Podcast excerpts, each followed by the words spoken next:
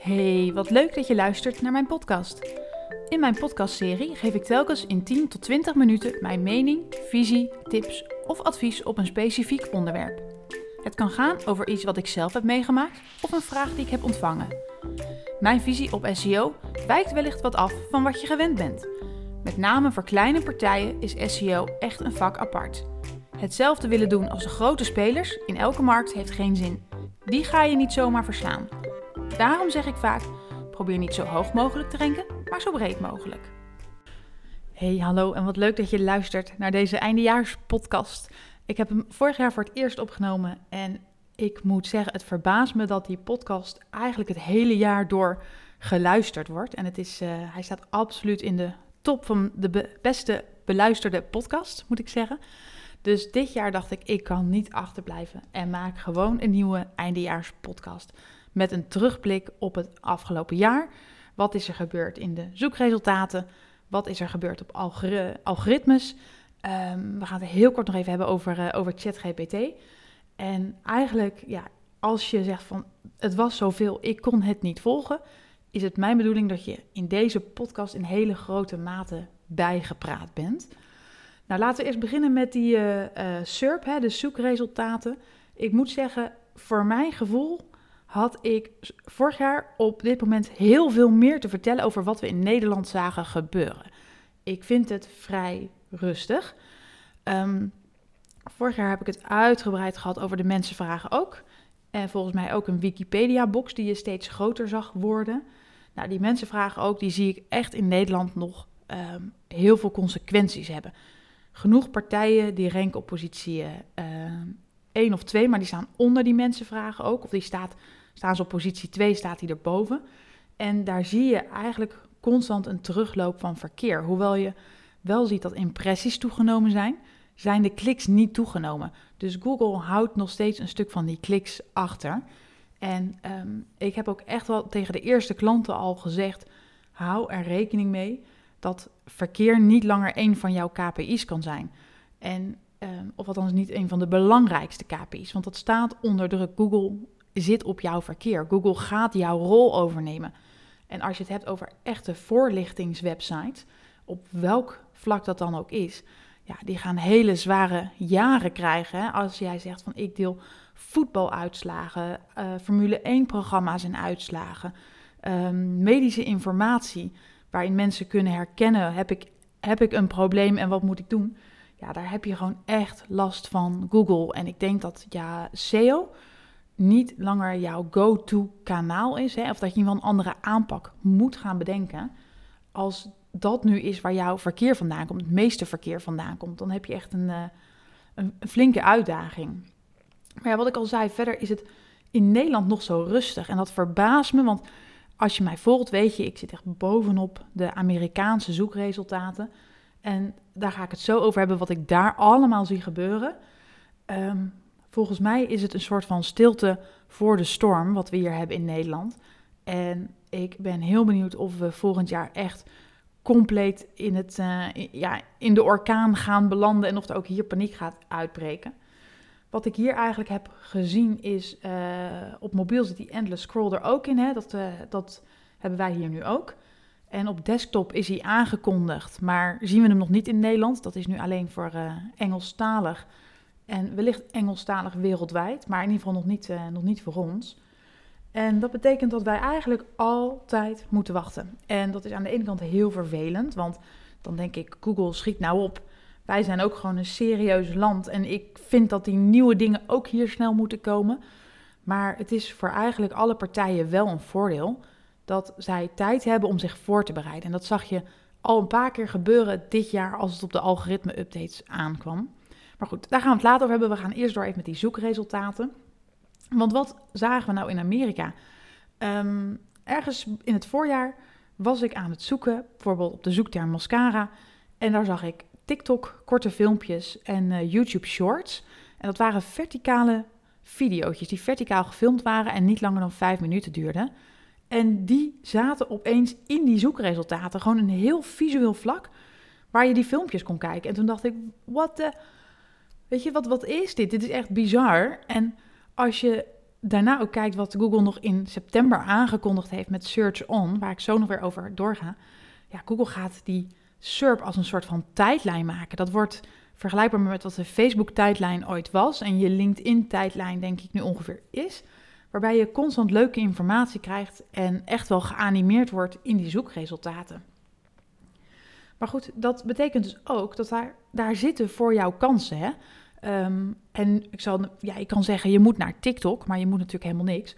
Want als TikTok straks vervangen wordt, wordt gewoon waarschijnlijk het volgende kanaal geïntegreerd.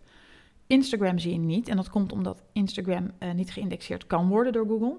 Maar um, zodra dat wel kan, zul je zien dat die visuele kant, Google gaat daar gewoon naartoe.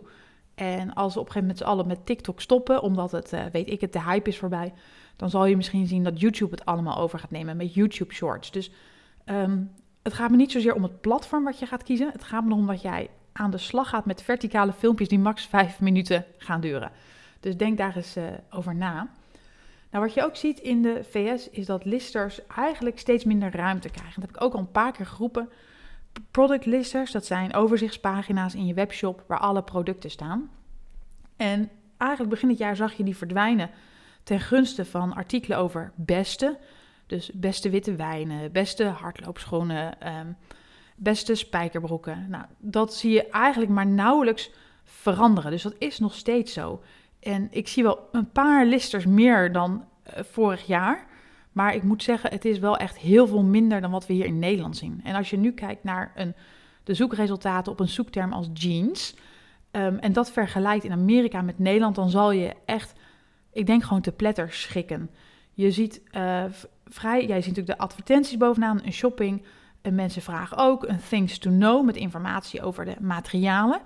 Um, wat vergelijkbaar is met een soort van mensen vragen ook. Hè. Je ziet een uh, onderwerp, kan je klikken, krijg je informatie. Daaronder zie je een shop the look. Um, wat aangekondigd is door Google in uh, september. Nou, in Amerika werkt dat al. En daar ben ik echt eigenlijk wel mega jaloers op, want het is zo tof. Google pakt een fotootje, bijvoorbeeld van Getty Images, wat me echt verbaast dat dat van zo'n bron moet komen. Het pakt dus niet, een, uh, niet alleen maar foto's van, van webshops, maar echt dit soort stylistische foto's. En dan zegt hij: Oké, um, wat je in deze foto ziet, dat zet hij daaronder op een rijtje aan producten. Dus als het model zwarte pumps heeft, zie je zwarte pumps daaronder. Um, als het model een rood jurkje aan heeft, zie je vergelijkbare rode jurkjes. En zo kun je dus daardoorheen swipen. Het is een soort van carousel. Nou, het is gewoon echt uh, super tof. Je klikt op een product en dan kom je in productboxen die je ook meer in de SERP ziet. Waar je ziet welke webshops uh, dit product hebben en wat dan de prijs is. En dan kan een consument doorklikken. Dus veel inspirationeler. Ik zei het al, het wordt een soort van uh, geanimeerde tijdlijn. Hè, waar Google echt tot doel heeft om jou iets leuks te vertellen en te laten zien.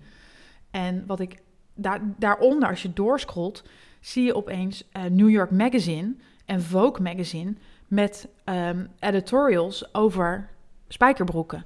Dus um, ja, weet je, en je ziet ook nog wel ASOS en Target, wat, wat de shops zijn in Amerika. Maar die krijgen echt concurrentie van deze uh, magazines. En dat is natuurlijk iets waar wij in Nederland compleet niet op voorbereid zijn. Moet je je voorstellen dat we dat opeens morgen hier ook zien komen. Een shop the look. En dat, dat je niet meer Zalando op één of twee ziet staan op jeans, maar dat je uh, de Linda ziet staan of de Linda Meiden of weet, ik het welk ander magazine. Ik denk dat, ondanks dat ik het al een jaar roep, um, heel veel mensen op een kop zullen staan van, van wat is dit, wat gebeurt er hier? En daarom is het zo belangrijk om um, af en toe in Amerika te kijken wat je kunt gaan verwachten. Want dit kan zomaar ook hierheen gaan, uh, gaan komen. Nou, die productboxen, daar zei ik het ook al over. Hè? Als je zoekt naar jeans en je hebt dit gehad, dan zie je heel veel, ik noem ze maar productboxen, want ik weet ook niet hoe ik ze anders moet noemen. Maar het zijn organische shoppingresultaten. Dus het is niet betaald, het zijn geen ads.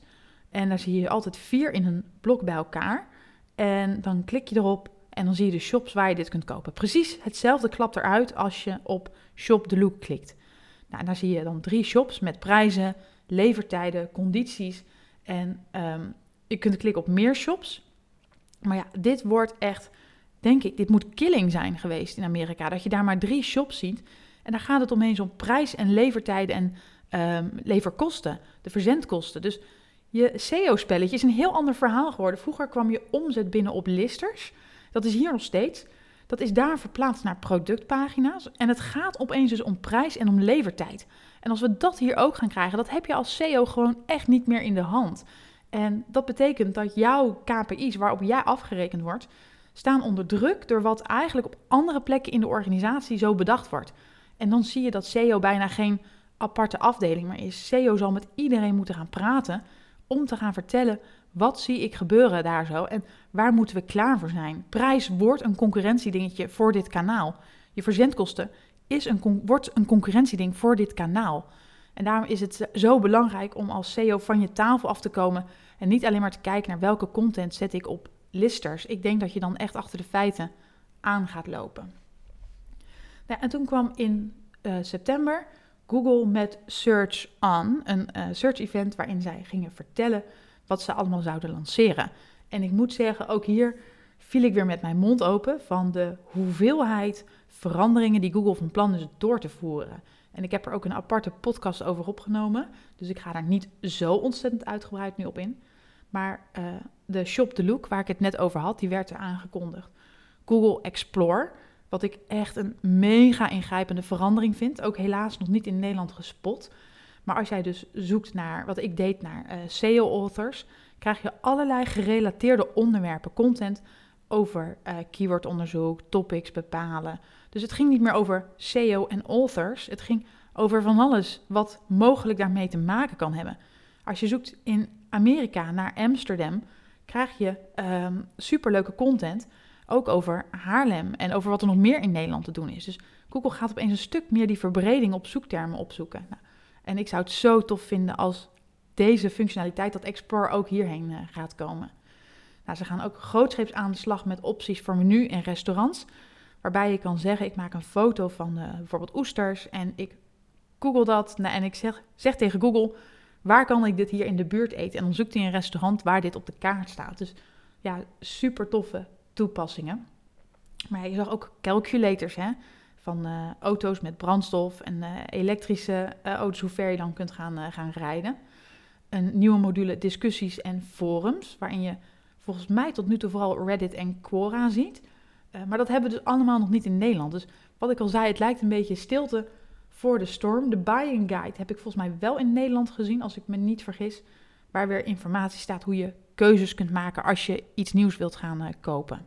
Dus er kan echt nog zoveel moois aankomen waar je je van bewust moet zijn. En waar we, uh, nou, ik kijk er in ieder geval naar, naar uit. Um, wat we ook wel zagen, en dat is voornamelijk in de, nog in de VS. Ik zit even mijn lijstje te lezen. Ik zie twee dingen van ik, oh nee, dit moet ik zo even anders gaan vertellen. We gaan eerst beginnen met wat ik nog in de VS zie. Medische zoektermen. En ook dit heb ik al eerder met je gedeeld. Kun je op mijn blog nalezen. Als je zoekt naar zoiets als uh, blinde darmontsteking, dan zijn de eerste drie scrolls gewoon compleet gevuld met informatie van Google die van um, websites met autoriteit komt. Met name Mayo Clinic in Amerika, een grote speler. Cleveland Clinic, die zorgen voor de informatie. En je ziet meteen waar heb je pijn, hoe kun je het herkennen, wanneer moet je in actie komen, uh, hoe moet je het behandelen, wat zijn uh, symptomen, wat voor medicatie kun je erbij gebruiken. Sorry, het is het einde van het jaar, ik heb heel erg last van mijn stem, misschien hoor je het ook al. Maar als je dat dus ziet en je zit in die medische industrie, berg je dan maar voor als dat ook hier, uh, hierheen komt. Je ziet meteen hoe vaak iets ook voorkomt. En Mayo Clinic, waar de informatie vandaan komt, staat echt pas daaronder, na drie, vier scrolls. Dus dat is wel echt uh, uh, ja, best wel een dingetje. Um, en nou ja, wat we dan uh, zien in, in Nederland ook nog wel, is dat er veel meer indexeringsproblemen worden gemeld. Steeds meer mensen zeggen van ja, ik heb content en ik zie in Search Console dat die wordt gevonden, maar niet wordt geïndexeerd of wordt gecrawled en niet wordt geïndexeerd. Wat is hier nou aan de hand? Nou, soms is daar een technisch probleem, maar heel vaak is het gewoon ook Google die jouw content niet meer origineel genoeg vindt. En hier hebben ze zich ook echt over uitgelaten. We kunnen niet alles indexeren wat op dat web staat. En daarom ook echt mijn oproep voor 2023. Stop met het maken van poep. Ik noem het gewoon poep. Het is content die al overal op het web staat. En dan denk aan dat voorbeeld wat ik altijd noem van appeltaarten. Er zijn 4 miljoen pagina's in de index over recept appeltaart. Waarom zou Google nog pagina 4 miljoen en 1 indexeren? Bied dat niet aan, maar denk naar een veel originelere eh, inslag? Hoe kan ik dit leuker maken? Hoe kan ik iets toevoegen ten opzichte van het web? En dan ga ik een klein sprongetje maken naar uh, IEAT, waar ik het straks wat uitgebreider over wil gaan hebben. Maar in die guidelines, die in december geüpdate zijn, benoemt Google originaliteit opeens. En die heb ik niet eerder in andere guidelines voorbij zien komen. En dan geven ze ook voorbeelden van een lyrics website waar je songteksten kunt lezen. En ze zeggen, ja, dit staat overal op het internet. Er is geen moeite gedaan aan deze pagina door er meer, uh, door iets van originaliteit eraan toe te voegen. dan zou je zeggen, ja, wat moet ik aan originaliteit met zo'n um, lyrics pagina doen? Nou, ik kan nog genoeg dingen bedenken, net zoals met recepten, wat je kunt doen. En in die guidelines hebben ze het ook een aantal keer voorbeelden over recepten. Waarom een bepaalde pagina maar medium kwaliteit is en niet hoog of hoogste. En dat is gewoon, er zit totaal geen originele content in. Dus um, de, de crux voor volgend jaar, als jij wilt blijven rekenen op SEO-verkeer. SEO is geen kanaal meer waarvan je zegt: ik maak wat omzet, uh, omzet, ik bedoel content, ik gooi het online en ik ga verkeer wachten. Ik denk dat die tijden zijn echt aan het einde aan het komen. Je zult iets nieuws moeten maken, je zult iets goeds moeten maken. Anders zal Google je waarschijnlijk niet eens meer indexeren. Dus als jij renken al een uitdaging vond, wacht maar tot indexeren echt een uitdaging gaat worden. Dan komen we echt op hele andere uh, vlakken terecht. Dus wat mij betreft moet je nu dat omslagpunt toch echt wel gaan, gaan zoeken. Nou, en als we dan uh, uh, meteen springen naar de algoritme-updates, dan ga ik deze eraan vastkoppelen. Dan kom je bij die uh, helpful content update. En dan spring ik eigenlijk meteen midden in het jaar naar zo'n beetje augustus. Die is begin december wereldwijd uitgerold. Waarin Google zegt van, joh, maak jij content voor jouw gebruiker? Weet jij wat iemand wil weten? Herhaal jij niet alleen maar wat op het internet staat? Of vat je dat niet alleen maar samen, maar voeg je ook echt iets nieuws en origineels toe? Blijkt uit jouw content dat jij ervaring uit eerste hand hebt. Daar wordt die al genoemd, hè? die ervaring uit eerste hand die in december ook aan EEAT werd toegevoegd toen ze van EAT EEAT maakten. Um, die nieuwe E is van experience. Dus Google gaat die lat hoger leggen. En ik zie nog te veel partijen die denken, ja, ik moet een, een tekstje hebben voor SEO. Ik zet ChatGPT even aan het werk. En over ChatGPT heb ik ook nog genoeg te melden. Dus blijf vooral uh, nog even hangen. Um, maar die tijden werken gewoon niet meer. Google legt die lat hoger. En dat zie je eigenlijk in al die updates die ze dit jaar gedaan hebben. Want wat, daar zijn ze echt druk mee bezig geweest. Um, en zeker in december namen ze nog even een, een sprint. Dat ik ook dacht van jongens, doe rustig aan. Het jaar zit er bijna op. Loop hem lekker rustig uit. Maar in december werd echt de ene na de andere update gelanceerd. Of weer uh, een update van een update gedaan. Dus laten we eens gaan kijken. Wat zijn er nou echt aan belangrijke updates geweest? Hè? En dan begin ik als eerste even met de Product Reviews Update. Die is drie keer bijgewerkt dit jaar. Um, werd eind vorig jaar uitgerold. En is helaas nu alleen nog maar op Engelstalige zoektermen wereldwijd. Maar die Product Reviews uh, Update, die vind ik echt briljant. Omdat iedereen die nu een productreview schrijft, en dan heb ik het niet over de gebruiker, maar echt over een website, die dus leeft van het vergelijken van producten en het adviseren die heel veel pakken maar gewoon wat content wat de fabrikant ter beschikking heeft gesteld. En zetten daar wat op een rijtje en gaan daar de feitelijke verschillen uitzoeken. En hoeveel webshops zijn er niet die een content marketeer een artikel laten schrijven over product A versus product B? En met die product review update wil Google daar echt vanaf. In de instructie staat ook gewoon echt dat uit de content moet blijken dat de uh, review geschreven is door een expert. En eigenlijk je bewijs moet aanleveren dat jij dit zelf getest hebt. Dus je moet een video aanleveren of fotootjes waarin je iemand het ziet gebruiken, waarin iemand het ziet vasthouden en dingen ziet toelichten.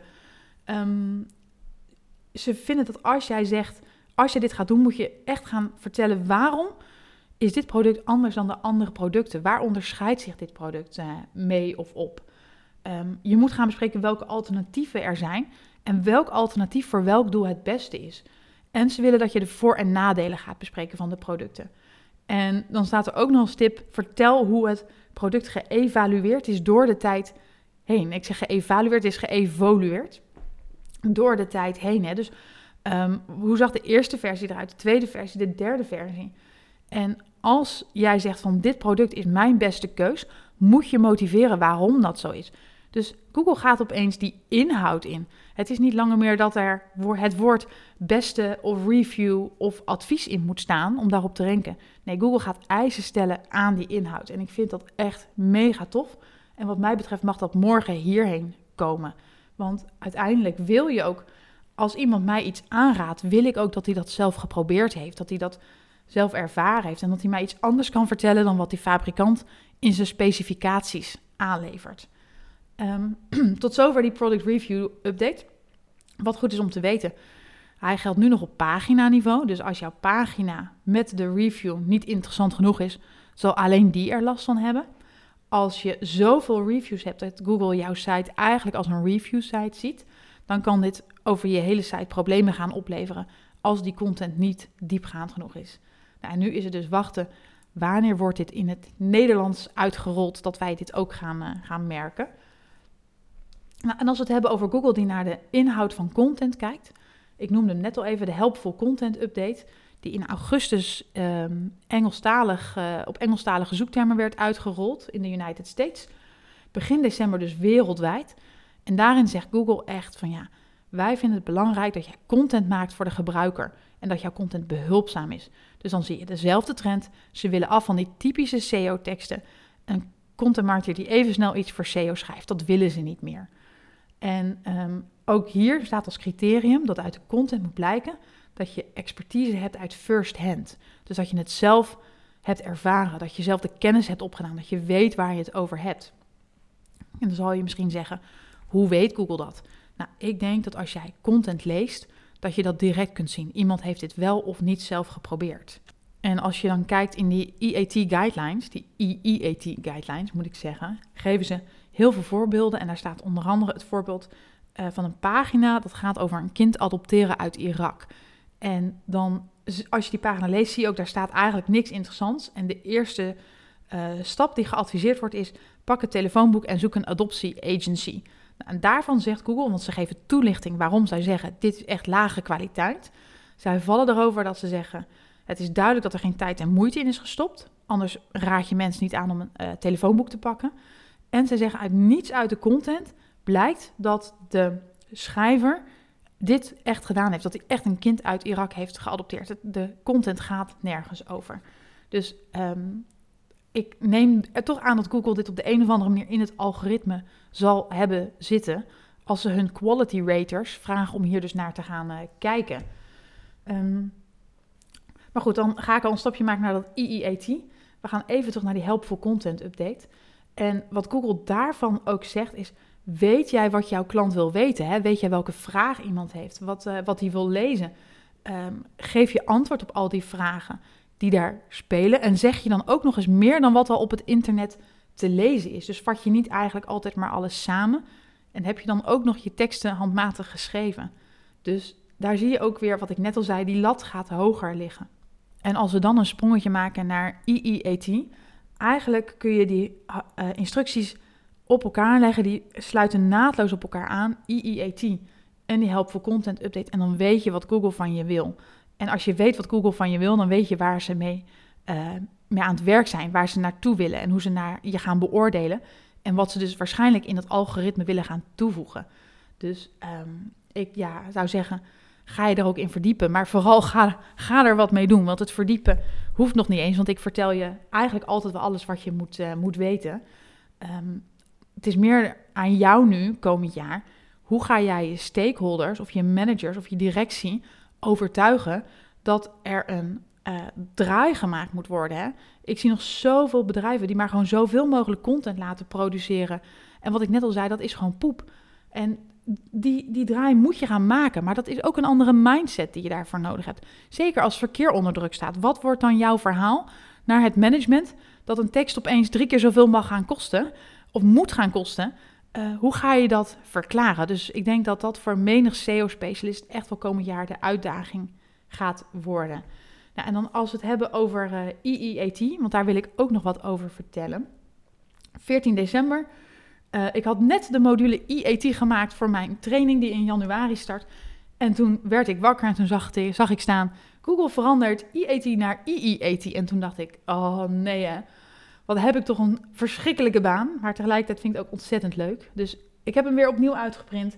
Ik ben hem weer door gaan lezen en ik heb alle verschillen uh, gezocht en op een rijtje gezet. En ehm, wat ik ontzettend grappig vind, is dat er niet eens die experience, vind ik, het belangrijkste waar het eigenlijk om gaat. Hè? Dat, first, dat uit je content first-hand uh, ervaring blijken. Maar opeens zag ik termen als originaliteit en stokfoto's terug. En die heb ik ook niet eerder in de guidelines gezien. Dat Google zegt van ja, als jij stokfoto's gebruikt, is dat eigenlijk een teken dat jij niet genoeg tijd en moeite en aandacht in jouw content stopt. Want jij maakt je er best wel makkelijk vanaf met stokfoto's. En um, nou ja, dat, dat vond ik baanbrekend, omdat ik altijd dacht van ja, en ze zeiden er ook nooit wat over. Dat je wel, dat je dacht, nou, dat kan, zal niet zo heel veel invloed uitoefenen. En nu stond hij daar met naam en toenaam genoemd. Dat dat wel degelijk iets is waar die quality raters, die menselijke beoordelaars, naar moeten kijken. En ze hebben ook de hele structuur omgegooid in die guidelines. En daardoor kon je eigenlijk heel goed opeens zien waar het verschil hem nou in zit tussen uh, medium, hoog en hoogste kwaliteit. En dat zit hem voornamelijk in de tijd en moeite die in jouw content is gestopt. Is dat adequaat? Is dat veel of is dat heel erg veel? En dat maakt of Google jouw content uh, of raters jouw content moeten inschalen bij medium, hoog of hoogste. En waarschijnlijk zal dat stukje ook in het algoritme mee gaan zitten, dat ze dat kunnen gaan onderscheiden wat dan uh, medium, hoog en hoogste zal moeten zijn. Dus en naast die tijd en moeite uh, was het ook op reputatie. Dus heb jij een adequate reputatie, een positive reputation of een very positive reputation. Dus wat je eigenlijk kunt concluderen uit die guidelines is dat, dat hele IIET draait om kwaliteit van je content, tijd, moeite, aandacht, expertise, talent, effort en skill. Dat zijn de belangrijkste criteria. En de reputatie. Dat, dat zijn de twee belangrijkste pijlers van die hele IIET guidelines die Google uh, dus weer heeft geüpdate. Um, ik heb nog één, uh, in ieder geval één algoritme-update overgeslagen. Ik speak even. Ja, nee, het is er één en dat is de link spam update. Die is ook 14 december nog even uitgerold door Google. En dat vond ik ook wel heel grappig. Die, um, ze hadden natuurlijk ooit Penguin om link spam te herkennen. En nu hebben ze met behulp van SpamBrain, wat een, een stukje AI is, kunnen zij aan beide kanten, en dat staat zo vaak genoemd, dat het echt expliciet benoemd dat we aan beide kanten linkspam kunnen herkennen. Nou, en met beide kanten bedoelen ze zowel wie ze koopt als verkoopt, maar ook dat ze zeggen, uh, en weer heel duidelijk benoemen, als jij links koopt om de rankings in de zoekresultaten te beïnvloeden, is dat linkspam. Dus ze gaan nog een keer toch wel grootschalig die, eh, die strijd uh, aan met de linkspams. En die update is wel opeens uitgerold in alle talen. Dus dan zie je ook Um, dat zolang het niet om de inhoud van de content gaat, maar om dit soort kenmerken, kan Google eigenlijk veel sneller schakelen en wereldwijd opschalen. Dus met content zullen we gewoon moeten wachten en lopen wij achter de feiten aan. voordeel is wel, Google geeft ons eigenlijk een soort van ruimte en tijd om te kijken wat er gebeurt in de Verenigde Staten en daar ons spel op aan te passen en ons dus ook voor te bereiden. Dus um, ja, ik zou, kan je niet anders dan op het hart blijven drukken. Ga nu aan de slag. Dit is nog het moment. Het is hier nog de stilte voor de storm, vermoed ik. Um, nu moet je in actie komen. Nu moet je eigenlijk um, de zeilen gaan bijzetten. En denk ik ook je strategie gaan herevalueren. En ook de tactische invulling. Dus jaag jij de juiste dingen na. Maar dan ook die tactische invulling doe je daar ook dus de juiste dingen voor. En ik kan me voorstellen dat als je dat moet afvragen, dat het heel lastig is. Hè? Zeker als je uh, SEO niet jouw eerste expertise hebt. Want mijn podcast wordt niet alleen maar geluisterd door SEO-specialisten, maar ook door heel veel uh, content marketeers en ook uh, ondernemers die voor zichzelf SEO doen. Dus um, hoe moet je dan invulling daaraan geven? Al die containerbegrippen die Google noemt, ja, hoe pak je dat aan? Ik kan me voorstellen dat dat ontzettend lastig is. Want dan zeggen ze: maak content voor je gebruiker. Maar hoe kom je er dan achter wat je gebruiker wil weten of je klant? En wat is dan goede content? En als we het dan hebben over origineel, wat is dan origineel en wat is niet origineel? Um, en dan hebben ze het over niet schrijven voor zoekmachines. Dat zegt Google letterlijk. Maar ik kan me voorstellen dat je denkt van ja, maar als ik niet mag schrijven voor zoekmachines, hoe kan ik er dan in SEO dan toch wat mee doen? Hè? Want jarenlang is dat de aanpak geweest. We gaan wel schrijven voor zoekmachines. We gaan een keywordonderzoek doen. We gaan kijken op welk keyword het meeste zoekvolume zit. En dat keyword gaan we herhalen in de tekst. En dat zetten we in de title tag en in de meta description en in alle headings. En opeens zegt Google: schrijf niet voor je voor zoekmachines, schrijf voor je gebruiker. En ehm, als dit de dingen zijn waar jij mee worstelt en je denkt: God, is er veel gebeurd? Hoe ga ik dit ooit allemaal oppakken? 3 januari start ik met een groepstraining. Dat is een online training. Ik heb alle lessen al opgenomen. Die ga je in je eigen tijd doorlopen. Heb je een jaar de tijd voor. Maar elke dinsdag in januari om drie uur ga ik een live sessie organiseren waarin we gaan praten over de inhoud. Dus je mag je vragen stellen. We kunnen gaan discussiëren. Je mag gaan vragen wat originele content dan is, of wij het origineel genoeg vinden. En het wordt, wordt echt hele interactieve sessies waar ik in ieder geval voldoende tijd voor ga uittrekken om je te helpen. En ehm, die training die is dus in je, uh, wat al zei, grotendeels eigen tijd. Vijf van die sessies. En daar vraag ik 499 euro voor om daaraan deel te nemen. Maar dan heb je ook een jaar de tijd en je kunt alles nog rustig op je gemak doorlezen wat ik aan kennis met je deel. En eigenlijk ben je in vijf weken compleet bijgepraat. En wil ik eigenlijk van jou een, een soort van content expert maken. Dat je zelf kunt inschatten wat goed is en wat goed genoeg is. Dus ehm, als jij denkt, wat gebeurt er allemaal? Wat betekent dit voor me? Hoe ga ik daarmee om? Dan is deze training echt iets voor jou. Ehm, wanneer is deze training niet iets voor jou? Als jij ehm, toch met ChatGPT aan de slag wil, ik ga het gewoon zeggen, en toch snel veel content wil blijven uh, pushen en heel snel resultaten wil en toch uh, voor die hoogste posities wil gaan op lastige termen, moet je deze training niet volgen. Ga ik je ook niet mee helpen, ben ik niet de juiste persoon voor. Maar het brengt me nog wel even bij het uh, ChatGPT-verhaal. Het ding is fantastisch. En toen hij in december werd gelanceerd, of eind november, dacht ik echt even, ah shit, ik ben mijn baan kwijt. Nu denk ik, dat valt best wel mee. het ding kan veel maar is eigenlijk in heel veel gevallen niet goed genoeg. Dus ehm, ik zou daar ook nu nog niet voor vrezen, maar wel gaan kijken hoe kan je het je helpen.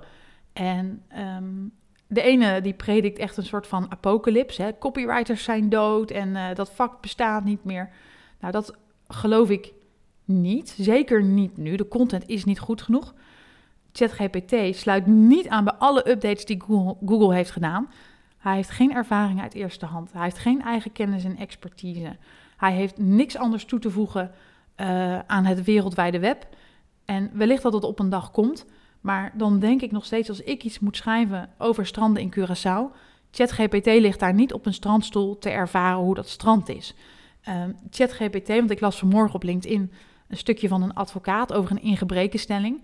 Um, ChatGPT maakte daar nog best wel wat juridische fouten in, zei hij. En ik denk dat de mens dan in ieder geval altijd nodig zal zijn om die output te corrigeren, aan te vullen ehm, of te verbeteren waar nodig. Want ChatGPT kan veel, maar kan echt niet alles. Dus ehm, reken daar niet op voor jouw content voor komend jaar.